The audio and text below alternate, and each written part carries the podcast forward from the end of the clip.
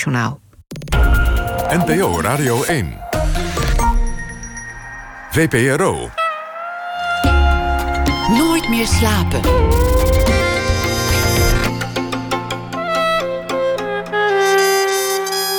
Met Pieter van der Wielen. Goedenacht en welkom bij Nooit meer slapen. Het idee was zo'n zeven lockdowns geleden om een film te maken geïnspireerd op de lockdown. Een man in een zelfverkozen quarantaine verliest zijn mentale welzijn. Hij flipt en houdt zijn oude moeder immers kwetsbaar gegijzeld. En die film zou deze week in première gaan, maar die première kan niet doorgaan vanwege wederom een lockdown. Dat is ironisch, maar er is niemand die lacht. De film heet De Openbaring. Victor Lo die, uh, schittert als een ontspoorde coronaschuwer. En Monique Hendricks vertegenwoordigt het laatste bastion van mentale weerbaarheid. Als zijn zuster die in de zorg werkt. En Monique Hendricks zit tegenover mij. Zij is een van Nederlands grootste actrices. Ze heeft zoveel gouden kalveren en andere onderscheidingen gewonnen door de jaren. Dat ze voor een keuze kwam te staan. Of naar een groter huis buiten de stad verkassen. Of een apart schuurtje bouwen voor al die prijzen. Het werd en het huis en het schuurtje. Maar de prijzen bleven komen. Dus Monique Hendricks dacht, ja, dan moet ik wat experimentelere rollen gaan nemen. Misschien dat het dan een keer ophoudt, die stroom aan prijzen. Hielp allemaal niks. Monique Hendricks, we zagen haar door de jaren heen in vele rollen. Een zwijgzame Poolse bruid, een miskende Friese dichteres, een harde maffiamoeder en nog heel veel meer. Een vaak geciteerde jeugddraum die nog open ligt, dat is een onderwaterfilm maken, zoals uh, Cousteau destijds. En dat komt nog wel een keer. Monique Hendricks is geboren in 1966. Ja. Dat zou toch mooi zijn als dat een keer lukt, een onderwaterfilm? Ja, dat is fantastisch. Ik, nou, ik heb wel uh, mijn uh, duikdiploma gehaald. Echt dus waar? nu nog een uh, cameradiploma en dan kan ik beginnen. ja. Maar dan moet het ook wel gebeuren met dat, dat budget wat, wat ze destijds hadden met die Cousteau-series. Nou ja, het moet in ieder geval gebeuren in warm water. Want, want koud water, daar ben ik op zich wel goed in. Maar ja, twee minuten, weet je wel. Ik kan niet, uh, ik kan niet uren in koud water filmen. Nee, als je, als je met, met dit weer in het IJmeer gaat staan, dan, dan zie je ook niks. Nee, dat lijkt me niet. Nee, en het is juist, je wil natuurlijk niet alleen, je wil niet, niet alleen dan onder water, maar je wil ook kijken en genieten daarvan. Kun je eigenlijk corona krijgen onder water, vraag ik me ineens af. Ik heb, ik heb de afgelopen twee jaar zoveel virologen alles over dat virus horen bespreken, maar, maar deze vraag nog helemaal niet. Of het zich onder. Ja, ik heb, ik heb tijdens uit, de corona wel gezwommen, ook in, koud, in een koud zwembad met zo'n pak en zo. Dan hield ik dan 20 minuten vol. Maar ja, daar heb ik geen corona gekregen. Dus ik denk niet dat het onder water. Ik denk dat het onder, onder water. Dat, dat is echt een totaal irrelevante vraag eigenlijk ook. ja, maar ik snap, ik snap wel ja, de Hij kwam ineens in me op en dan, voor je het weet, zegt iemand... laten we dan de dijk doorprikken. Dus we moeten ook niet te ver dat, dat pad in.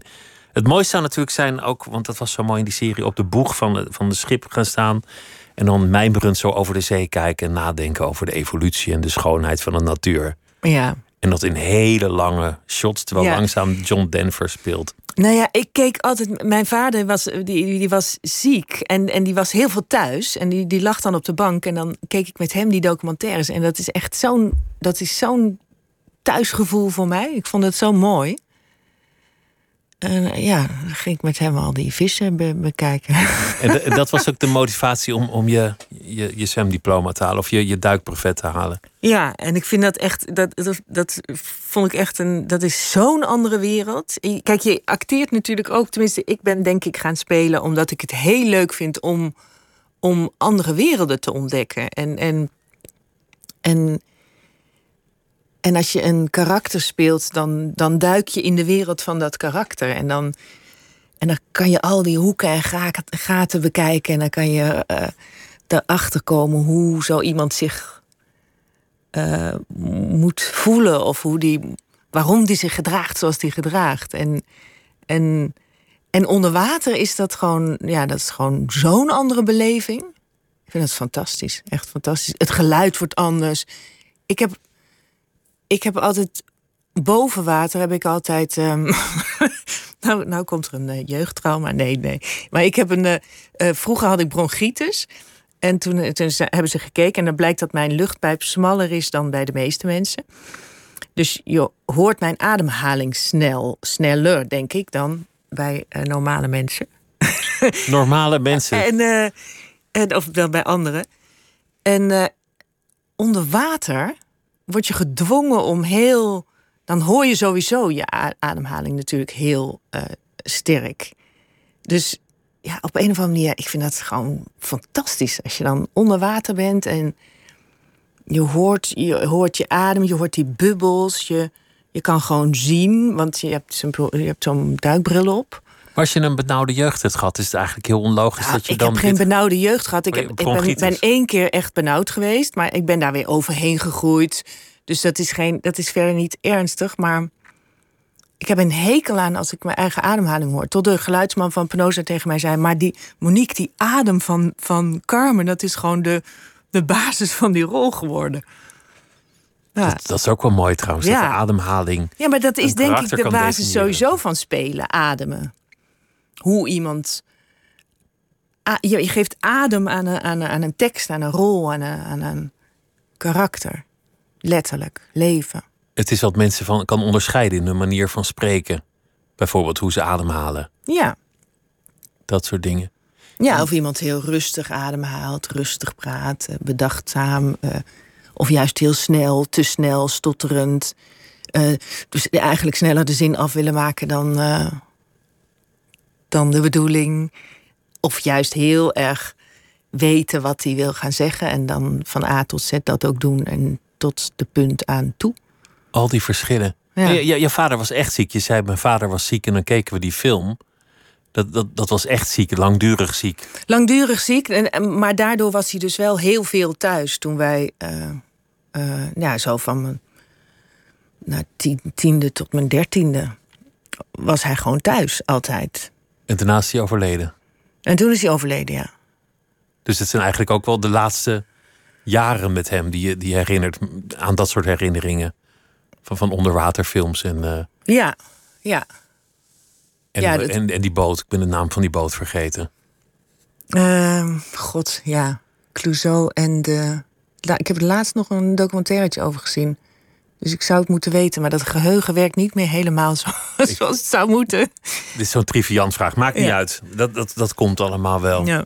We, we, gaan, we gaan het toch ook maar eventjes hebben over, uh, over de film. Over, want want het, is, ja, het is toch ook een grappige ironie dat jullie een lockdown film maken. Nou, Victor, het was al een idee van Victor en uh, Chris Mitchell en Jan Doense en Leni al veel langer om een film te maken uh, over een man die in psychische nood komt. En uh, tijdens de lockdown kwam, kwam dat voor Victor Leu blijkbaar heel dichtbij. En hij dacht, dan moeten we het nu maken. Dus die film is eigenlijk herpakt.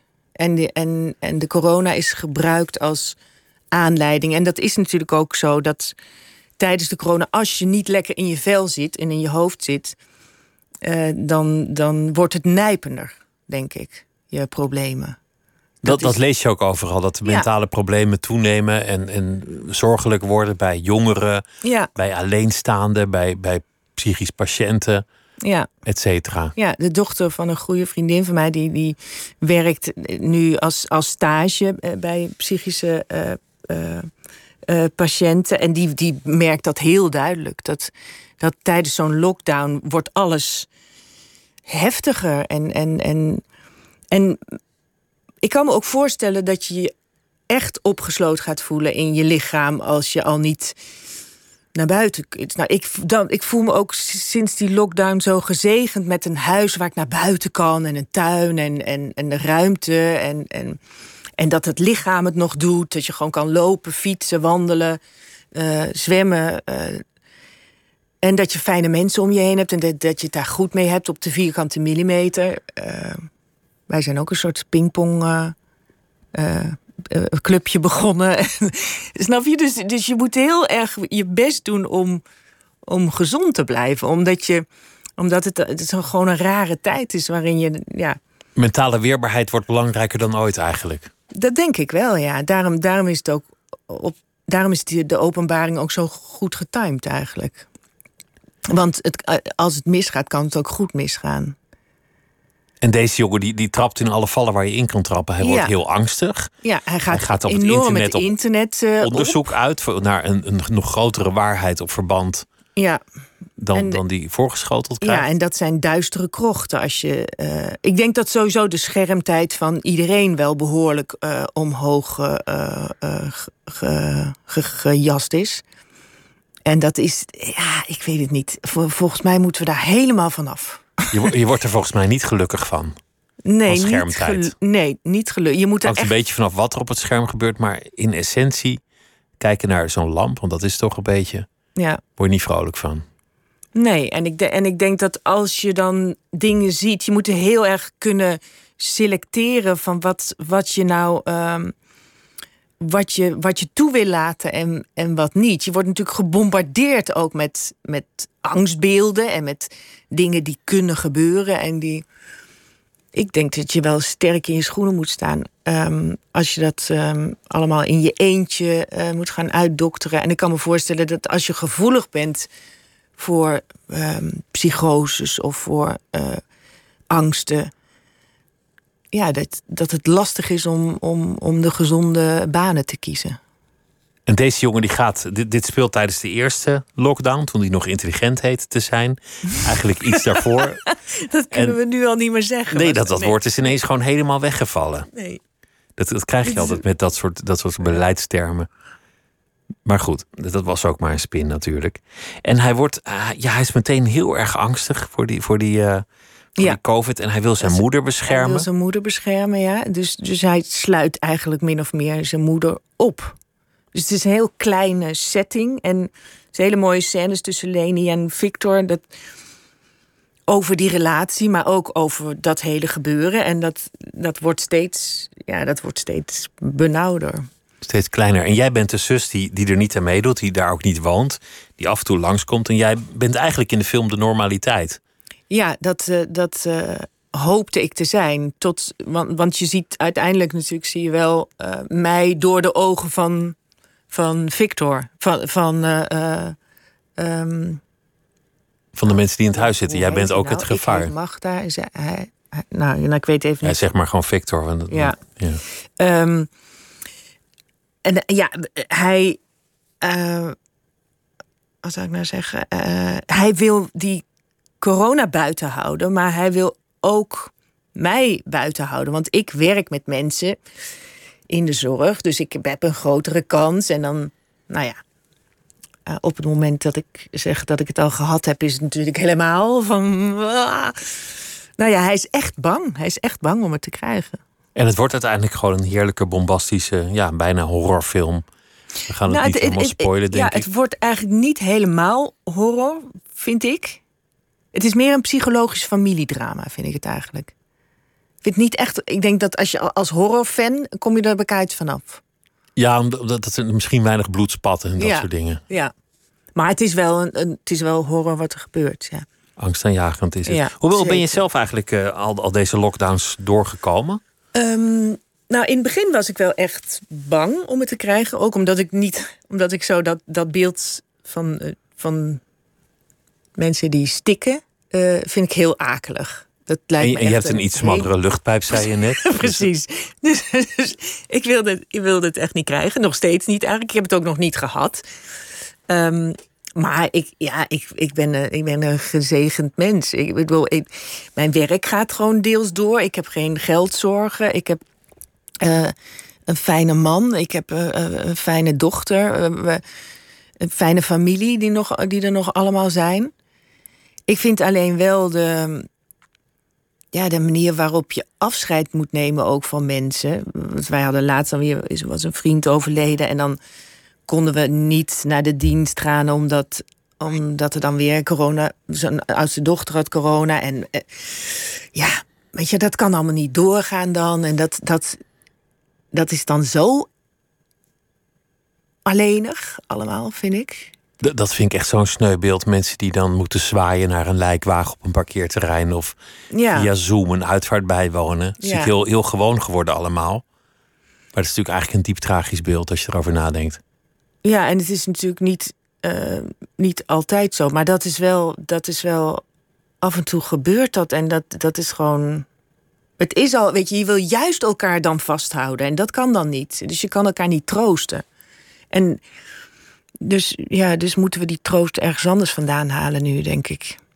En daar zijn films en theater natuurlijk heel goed voor. Dat kan allemaal weer niet, want we kunnen niet met z'n allen in die bioscoop. En het theater zijn al helemaal de klos.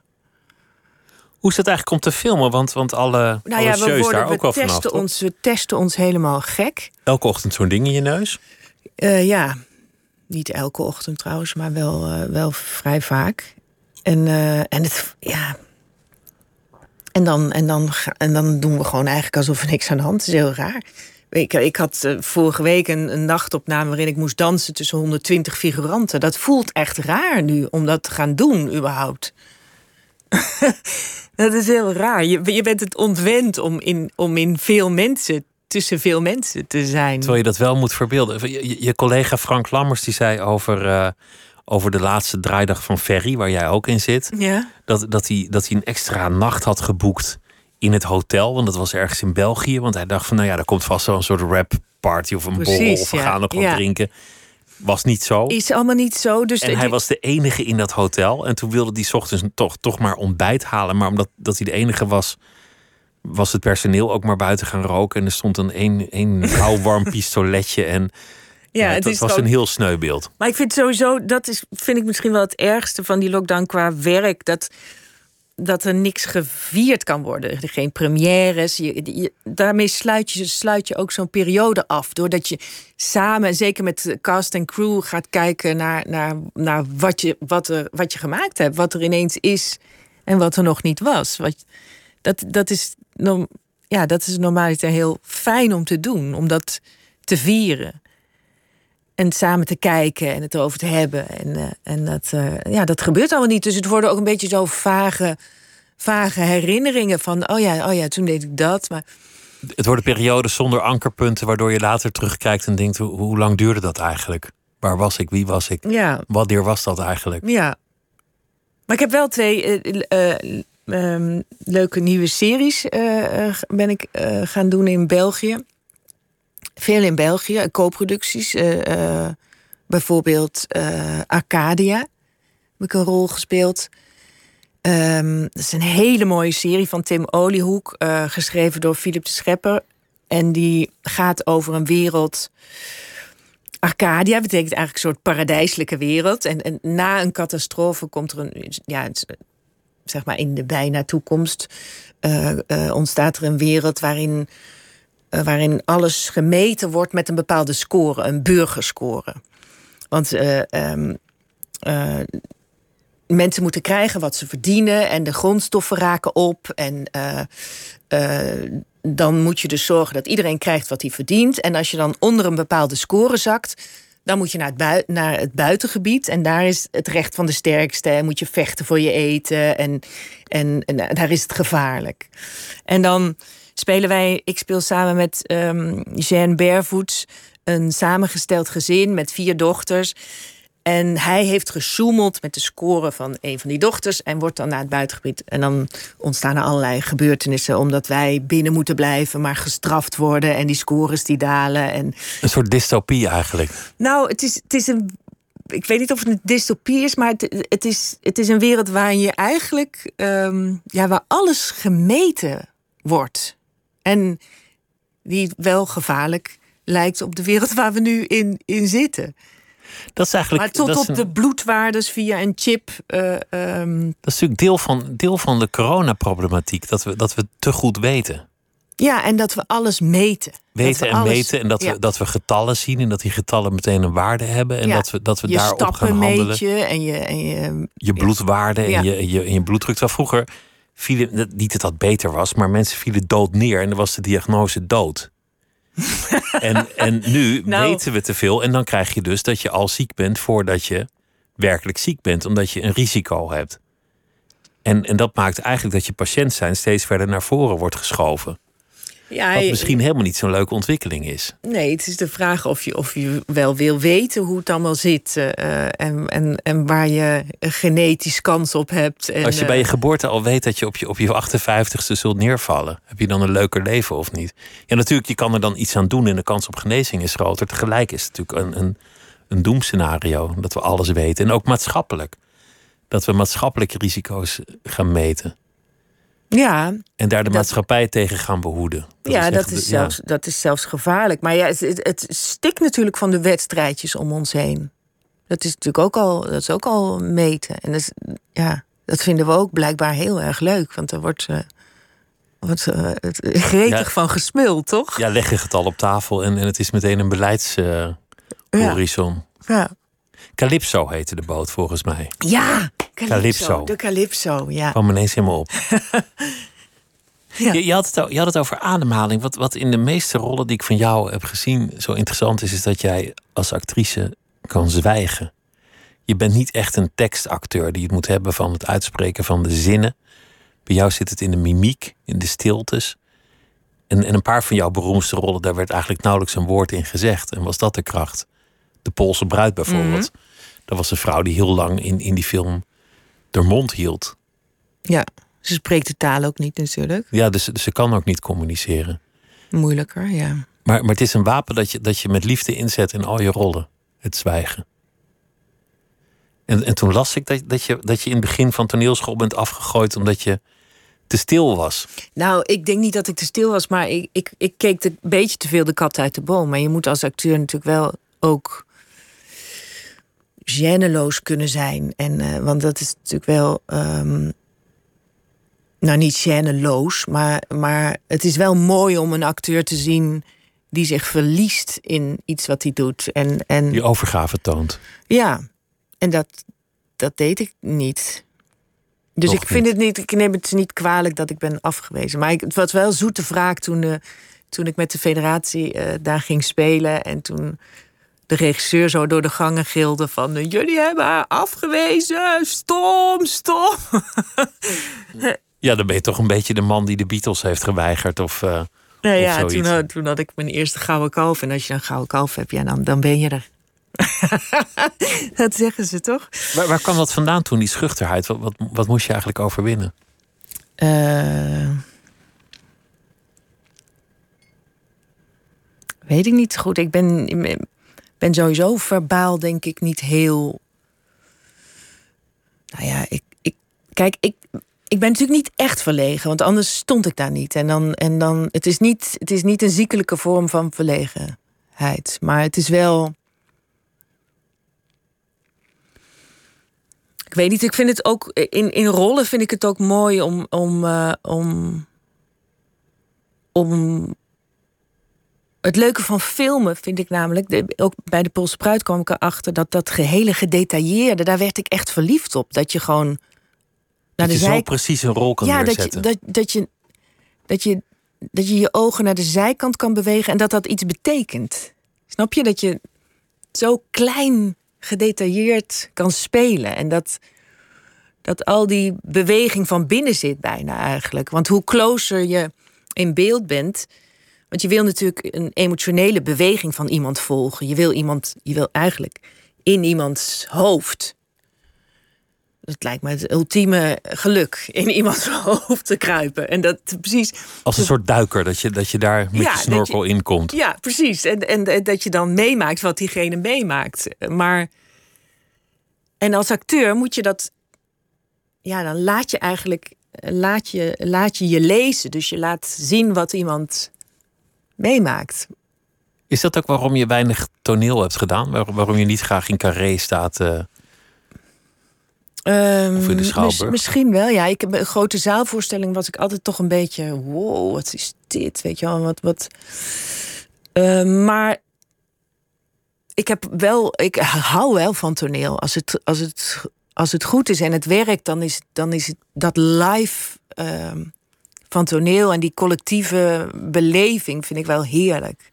Maar dat hele dus- kleine lukt wat minder goed in een grote zaal, ja. op een podium zonder ja. videoscherm. Nee. En ik vind ook de dagelijkse realiteit van filmen vind ik gewoon leuker. Dat is meer circus. Je, je gaat naar een gekke plek, naar een rechtbank of naar een natuurgebied of naar een, een, een bos of een weet ik veel wat.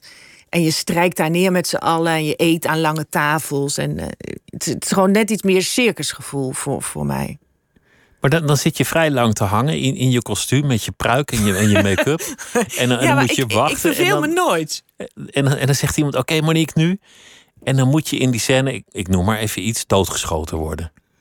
En, en dat, dus je hebt, je hebt drie uur niks gedaan. En dan is het 3, 2, 1 Monique dood. Ja, maar als je doodgeschoten wordt, dan bereid je je daar natuurlijk wel op voor. Maar ik kan Maar vrij moet- snel switchen in de emoties, ja. In één keer kan je, kan je daar staan. Nee, niet in één keer. Ik weet dan dat ik, dat ik op dat moment die, die scène moet spelen. Ik heb dat allemaal voorbereid. Ik heb die tekst geleerd. Ik weet de situatie van de karakter. Ik weet. Ik heb tot in de puntjes ben ik voorbereid. Ik heb het, het, ik heb het kostuum aan. En dan. eh, ja, dan, dan moet je zorgen dat je in dat moment terechtkomt. En dan moet je weer ontspannen. Dus dan moet je weer gewoon echt kijken en echt luisteren en echt reageren. En ja, echt doodgeschoten worden. Ja, dat, dat dan. En, en dan lig Niet, je heel mooi dood. En dan zegt iemand: Sorry, de, de, de, de camera liep niet. Het, het licht hing scheef. Er, er liep iemand door beeld. Het geluid was nog niet aan. Kan je het nog een keer doen? Ja. Of, of is jouw eerste take eigenlijk je nou, beste? ik vind dat wel vaak. Ik, eh, je hebt acteurs die zich erin smijten zo. En, en daar ben ik er één van. En dan gebeuren er allerlei dingen ook die ik niet bedacht heb. En dat vind ik vaak wel eh, het beste. Ehm, daarna wordt het alleen maar minder. Maar eh, er zijn ook acteurs die heel analytisch werken. En die, waar- waarbij take 7 of take 10. Kijk, het, het, is natuurlijk geen wet van mede en persen. Het, je kan er geen wetten op leggen. Dat, is het dat maakt het ook zo spannend. Er is altijd een, een nu waar, wat anders loopt dan anders. En, en dat is de magie van spelen. Dat je, dat je op dat moment diegene voor je hebt. En, en, en daarmee de deal sluit van... wij gaan dit samen doen. En, en, ehm, en, maar ook met crewleden speel je samen eigenlijk. Want je weet van: Oké, hij is aan het opletten. Hij heeft het shot. Dit, ja, dit maar ook goed. van je, je probeert te stoppen op hetzelfde moment. Dat, dat de jongen van de grip die beweegt dan de, de, de camera, dat hij ook stopt op hetzelfde moment. Snap je? Dat vind ik heel leuk. Of, of een geluidsman die. Dat is ook altijd belangrijk, omdat hij hoort of iets geloofwaardig is of niet. Of, eh, dus ja, je doet dat echt met z'n allen. Bij, bij jou in elke scène gebeurt iets. Dit klinkt als een hele domme opmerking, maar ik zal het uitleggen. Natuurlijk gebeurt er iets, anders zouden we het niet draaien. Maar er gebeurt iets met het personage. Er is altijd een soort ontwikkeling in de scène. Ja, ik, dat, Die- heb- die je dat heb ik geleerd van Jaap Spijkers. Die, dat, dat was mijn eerste geweldige tegenspeler... waar ik echt heel veel van geleerd heb.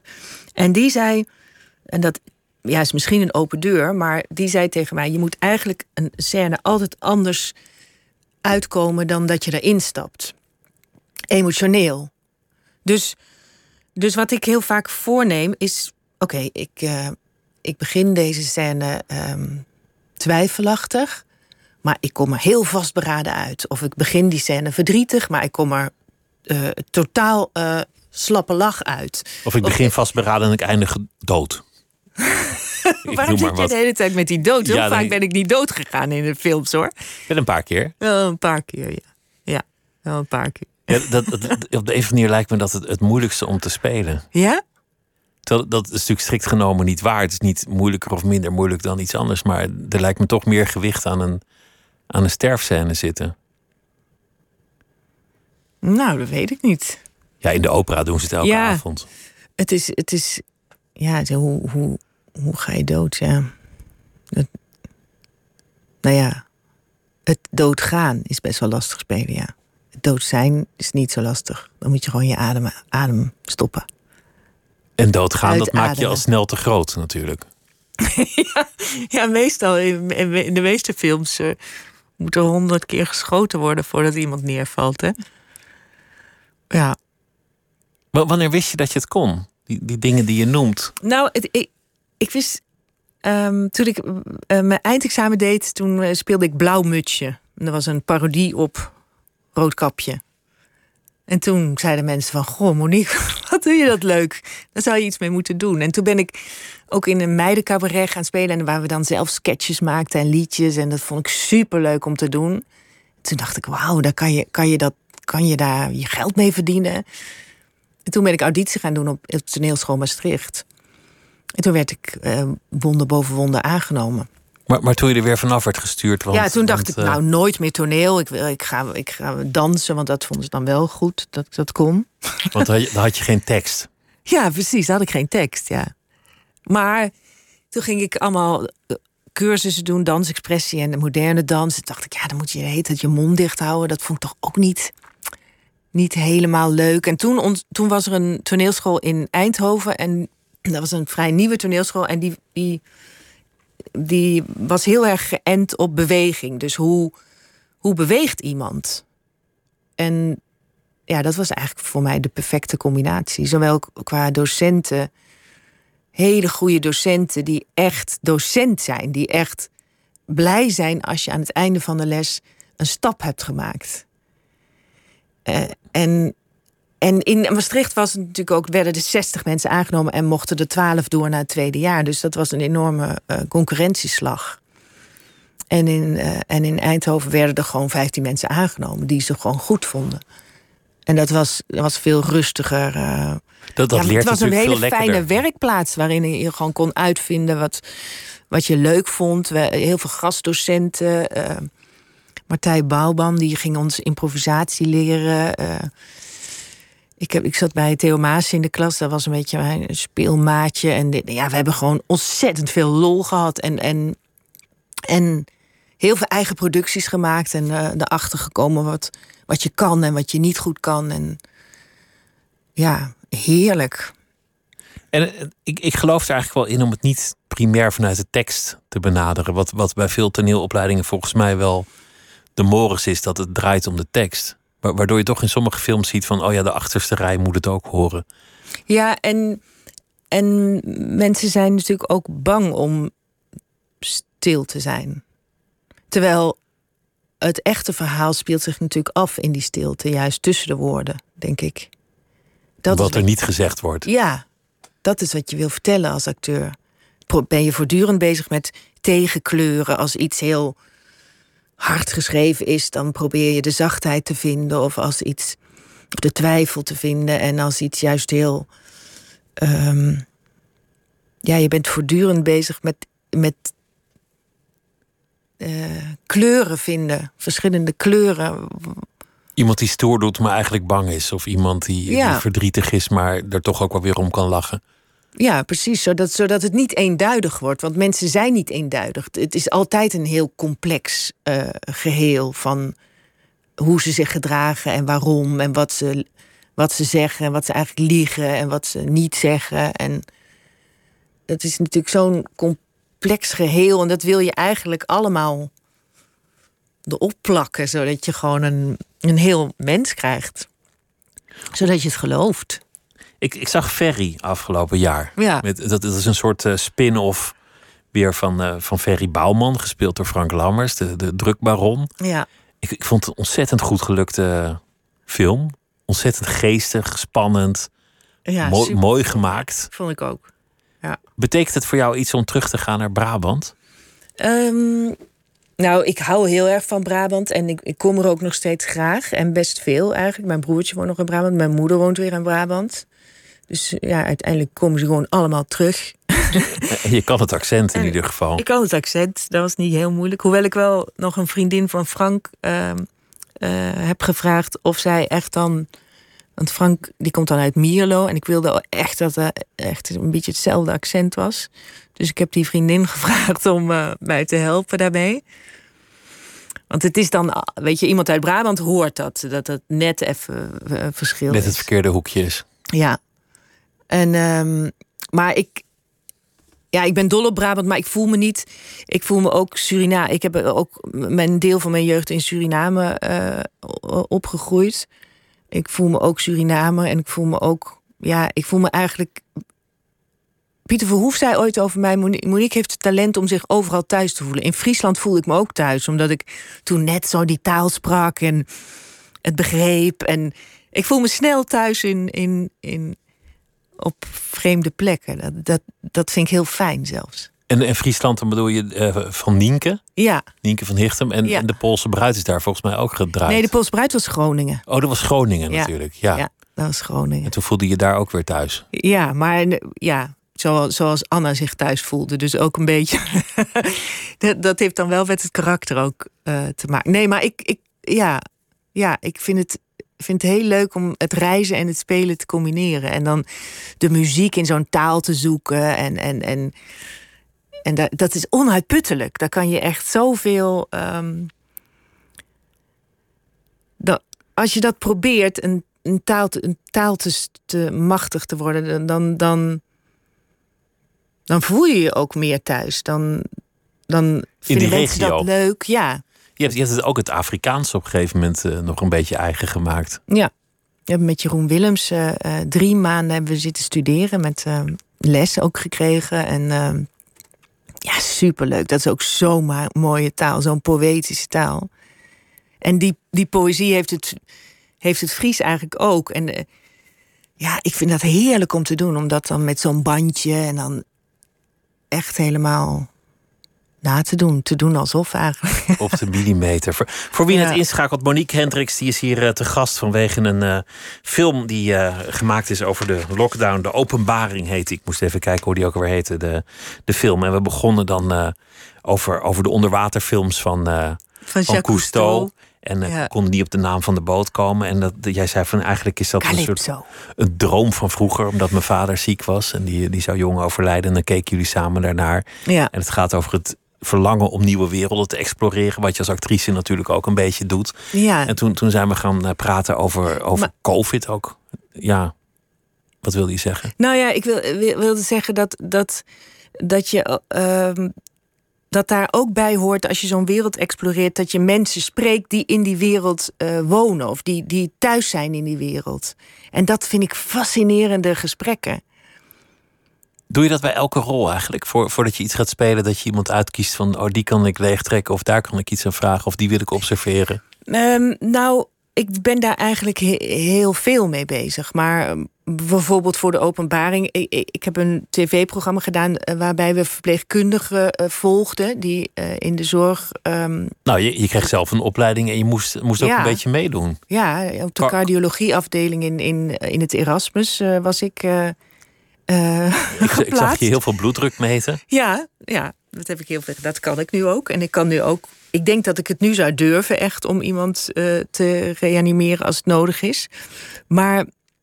ehm, dus dan, dan, dan gebruik je dat soort dingen eh, wel. Maar dit is natuurlijk zo'n kleine rol dat je dan niet echt op zoek gaat naar iemand die thuis is in die wereld.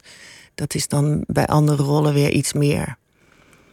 Toen je maffia ging doen, ging, ging je toen, toen mensen uitkiezen van wie je iets zou kunnen leren op dat vlak? Of? Nou, ik heb toen, ik heb toen, toen wel ge- gedacht van wie kan ik nou vragen. Ik kan natuurlijk naar een weduwe toestappen van een crimineel. Die is doodgeschoten. Maar ik dacht, ja, die, die zijn niet baas van zo'n imperium. Die hoeven het niet over te, ne- dat, dat zijn te eigenlijk nemen. meer slachtoffers in die zin. Ja.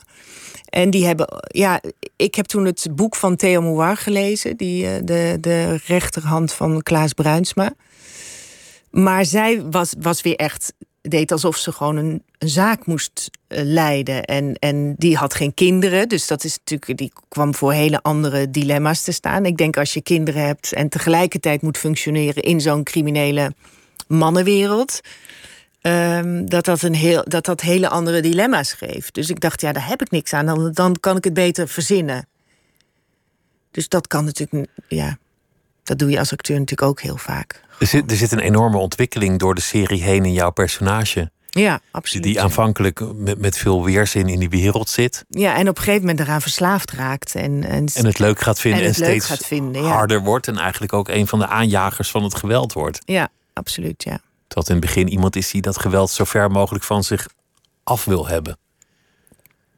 Ja, Mo- Moest je ook in jezelf spitten om dat te ontdekken? Je, je agressieve kant of hoe je dat kan uitbeelden, hoe je agressief kan overkomen. Nou, ik vond wel meteen heel erg leuk om die bluff van Carmen te spelen. Dus die. eh, ja, dat masker wat ze. Ik, ik kan me echt nog herinneren, de eerste deal die ik eh, eh, sloot, of de eerste. was op een brug ergens in Amsterdam. En ik moest iets van hem hebben. En ik moest zo echt me er doorheen bluffen. En daarna moest ik naar Luther toe draaien. En spelen van wat heb ik. Ik heb het gedaan, ik heb het gedaan, het is gelukt, het is gelukt. Dus, dus aan de ene met, met ook een soort bevrijding erin. Ja, ik vond, het, ik vond het heel erg leuk om te spelen.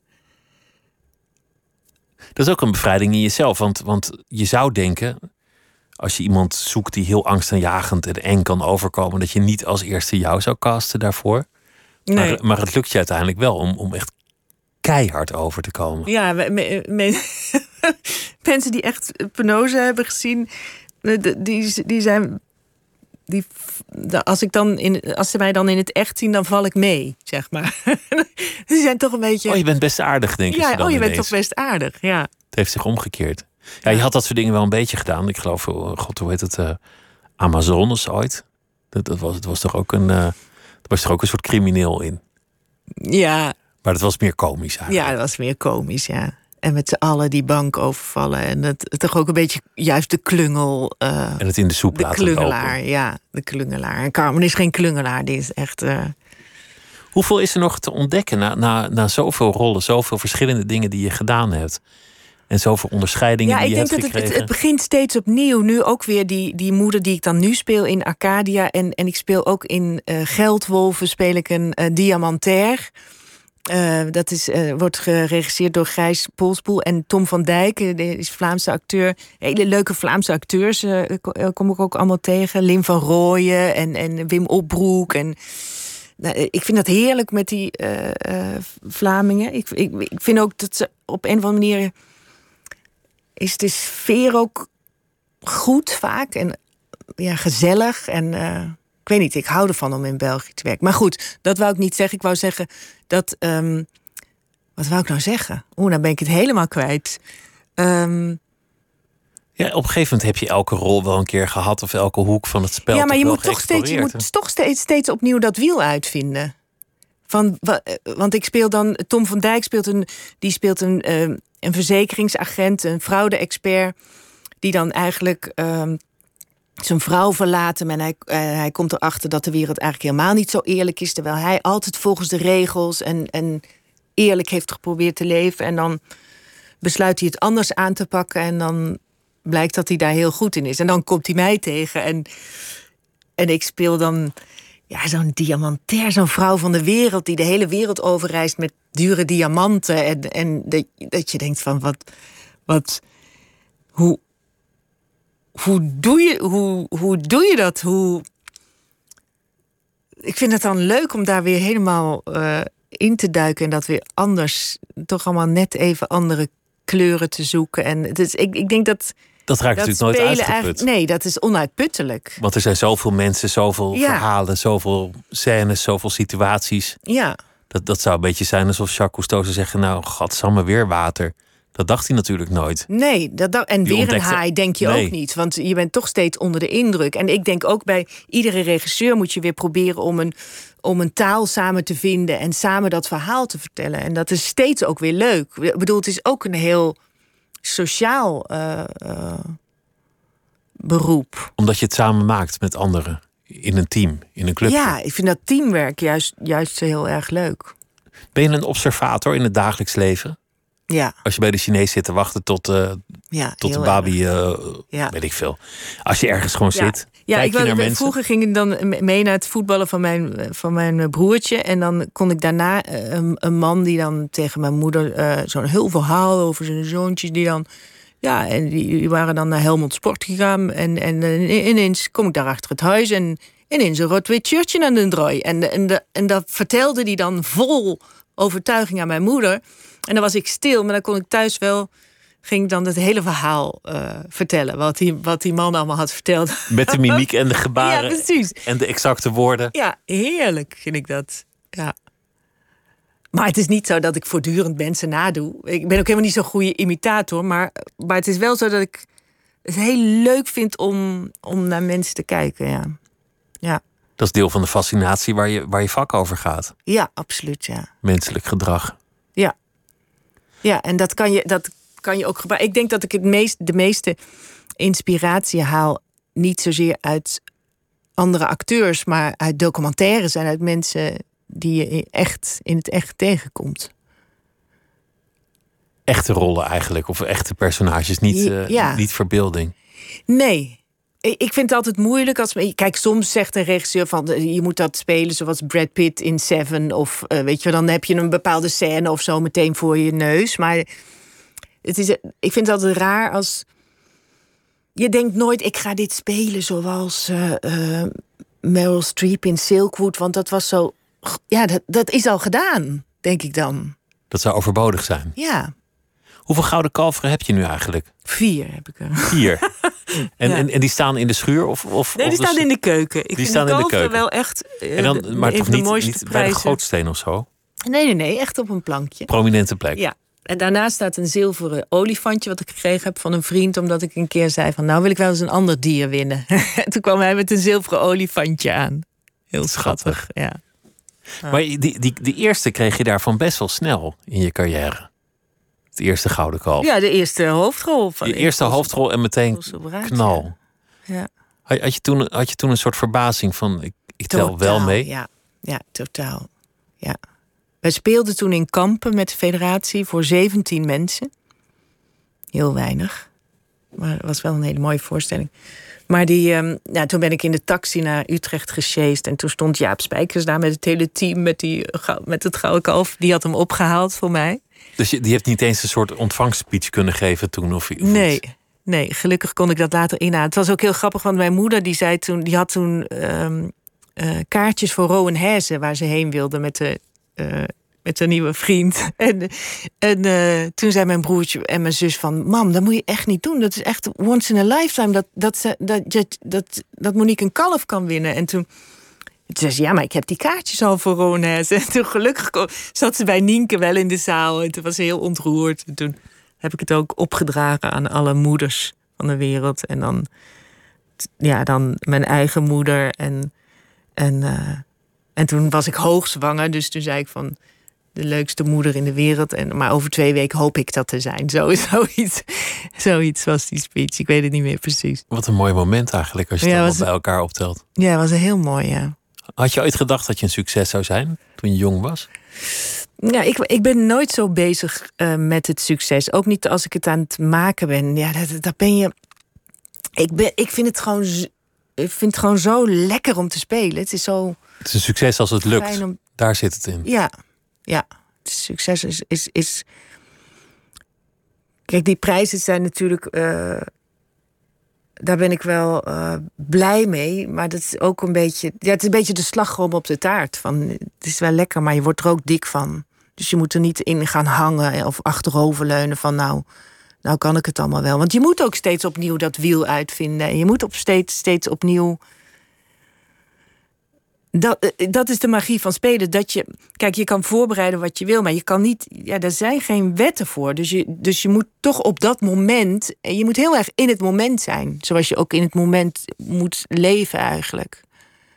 Dat is toch ook het leukste? Als je helemaal in. Ja, als je niet denkt aan vroeger, niet aan morgen. Nee, precies. Gewoon in het Niet nu. als wat als, maar, maar gewoon in het nu. Ja, Ja, jou- jouw vader heeft dat allemaal niet meer meegemaakt.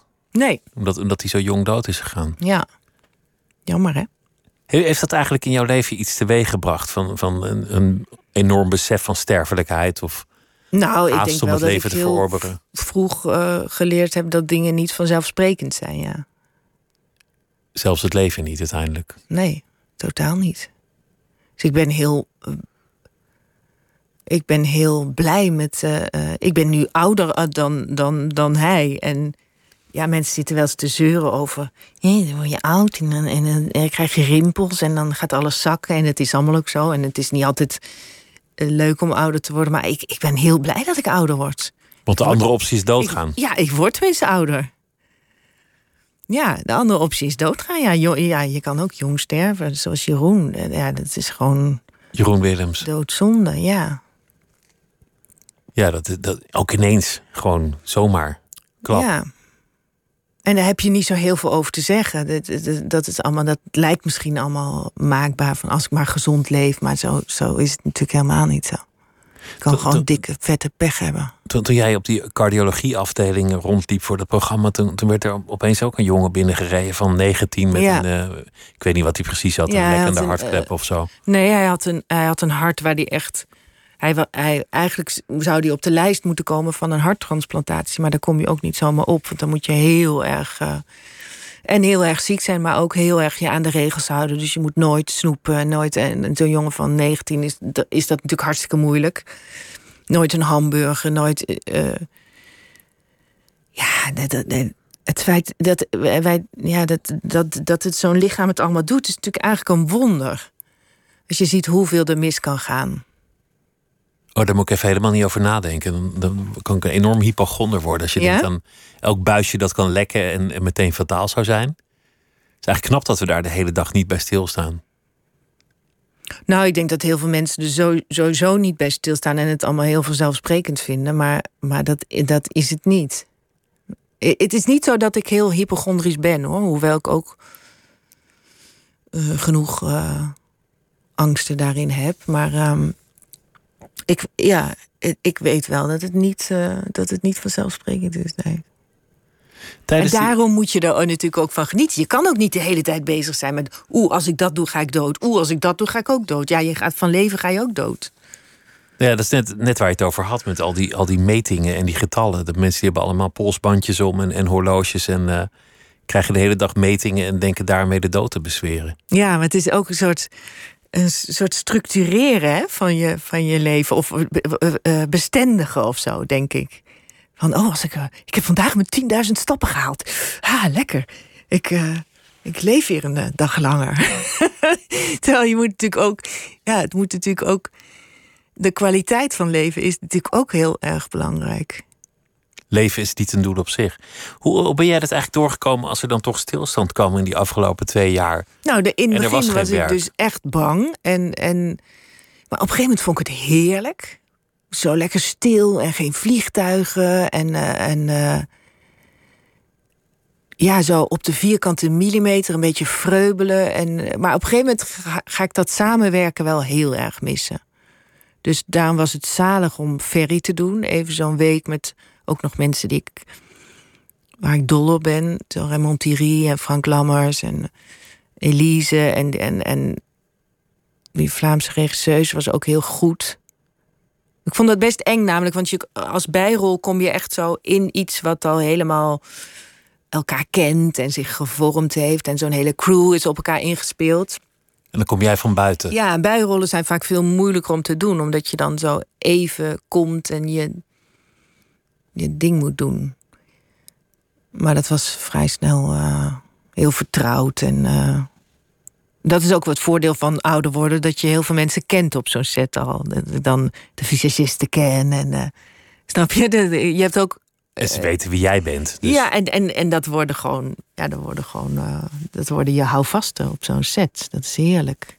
En, en als het er niet is, dat werk, en, en er is stilte, wat, wat doe je dan? Want je zegt een beetje vreubelen op de vierkante centimeter. Wat, is dat eigenlijk?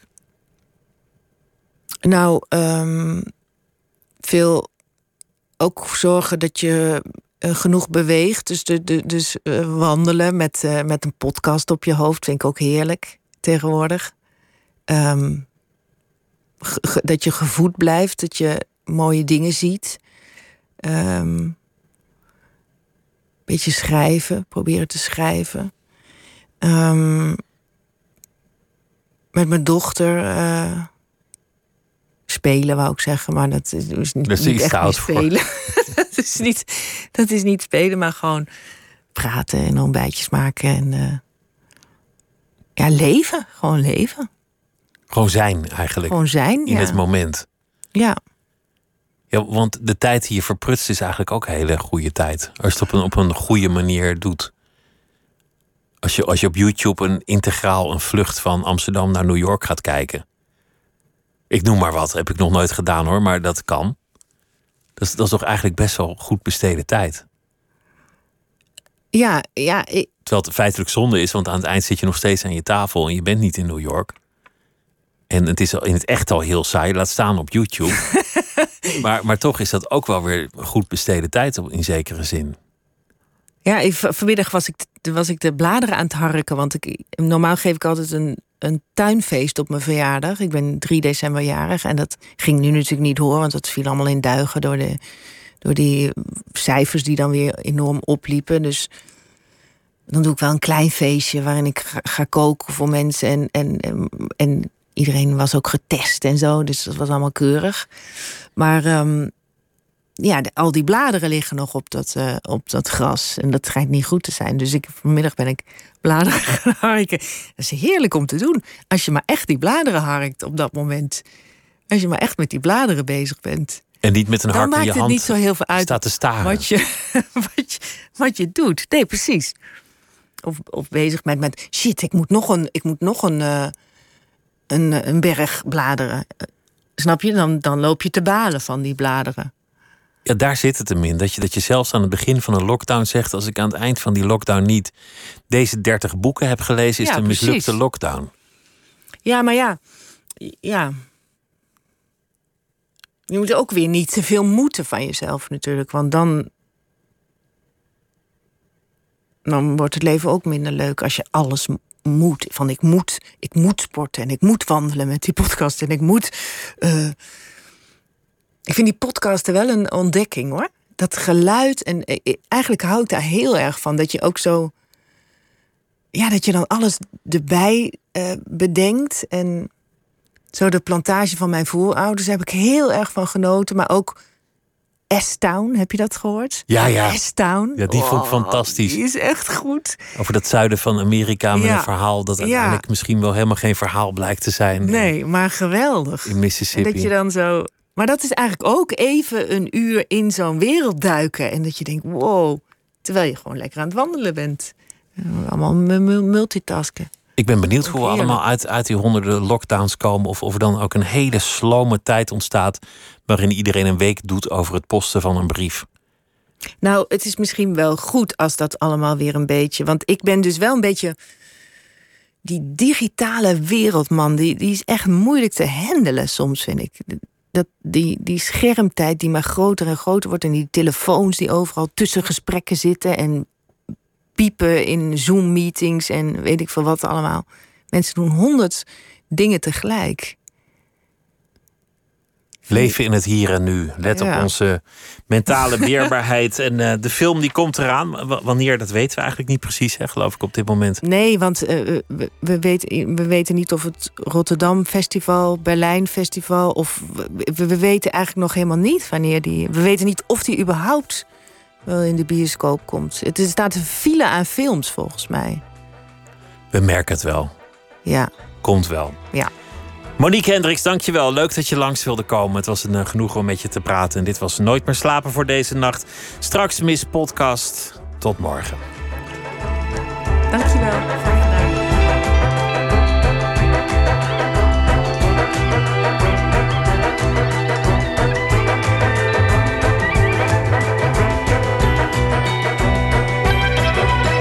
NPO Radio 1. Wie luistert, weet meer. NPO Radio 1.